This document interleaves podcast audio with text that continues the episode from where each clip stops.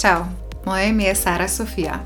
Dobrodošli pri poslušanju mojega podcasta Bazar Besed. V tokratni epizodi govorim o neprecenljivem komunikacijskem elementu, o pojasnjevanju. Na ta zelo pomemben sestavni del komunikacije pogosto pozabljamo.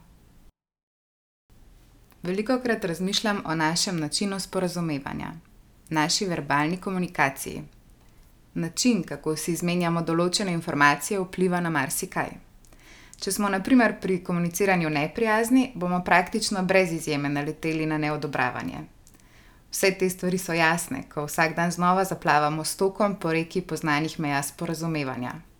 Zanimivo pa je vse skupaj opazovati skozi oči otroka.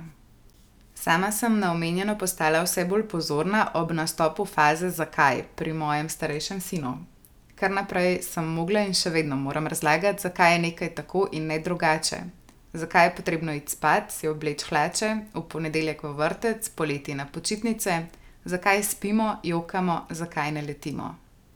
Včasih je teh zakajčkov že tako veliko, da bi najraje rekla tisti slavni zato ampak se vsakič znova ugriznem v jezik in neumorno razlagam in pojasnjujem. Pojasnilo prinaša neko mero pomirjenosti in ugodja. Najti način, da nekomu nekaj postane bolj razumljivo in jasno, je včasih bistvenega pomena. Skozi fazo pojasnjevanja sem kmalo ugotovila, da kasneje vedno redkeje prosimo za pojasnilo in pojasnjujemo. Pričakujemo, da je vsem vse jasno, in sami včasih ne želimo postavljati določenih vprašanj, ker predvidevamo, da verjetno to že vsi vedo. Pojasniti, zakaj je nekaj tako, zakaj od nekoga nekaj pričakujemo, zakaj se tako ali drugače počutimo, je zelo pomembno, saj to pogosto odpravi marsikatero mašilo v pogovoru, ki bi lahko prineslo nelagodje ali slabo voljo. Prijateljica mi tako razlaga, kako se njena šefica po zaključku vsakega dolgotrajnega in mučnega projekta vedno ustavlja pri malenkostih, kot da ne bi videla cele slike. Prijateljica je prepričana, da ne ceni njenega dela. Verjetno bi bilo vse skupaj veliko lažje, če bi šefica razložila, da se tudi njeni nadrejeni ustavljajo pri malenkostih, ki so za njih bistvenega pomena. Prijateljica bi razumela in verjetno ne bi imela napačnih predstav. Pogosto smo v komunikaciji z bližnjimi pretirano čustveni, celo jezni in vihravi, nekaj želimo doseči na zelo glasen in preveč buren način. Razlog je lahko, da nas za nekoga skrbi ali ga želimo pred nečim obvarovati. Pojasniti svoje čustva, strahove in dvome je v izogib prepirom in nesporazumom zagotovo boljša pot, kot le jezno in trmasto vleči na svojo stran, brez podanega razloga.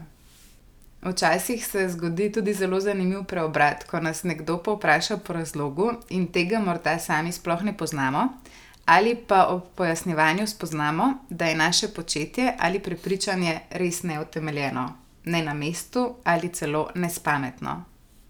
Pojasnjevanje v komunikaciji koraka z roko v roki s prijaznostjo. Menim, da je prijaznost pravi bombonček, prijetno presenečenje za vedno nove udeležence pogovora. Če smo prijazni, bomo veliko hitreje in lažje nekomu nekaj pojasnili, morda kar mimo grede.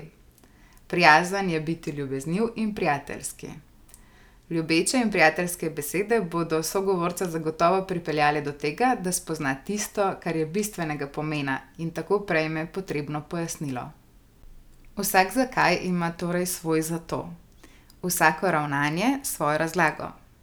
S pomočjo prijaznega načina komuniciranja, podkrepljenega z veliko mero pojasnjevanja, lahko ustvarimo prostor za kakovostno debato in argumentiranje. Vsak diskurz lahko dva svetova loči ali ju združi. Raziskovati, pojasnjevati in dati na eni strani, ter ugotoviti, razumeti in sprejeti na drugi, je tisto, kar odpira vrata za novo mišljenje v našem združenem prostoru. Verjamem, da je znotraj njega dovolj prostora za moje razmišljanja in razlage, in tvoje argumente, in enake ter drugačne poglede. Do naslednjič. Ciao!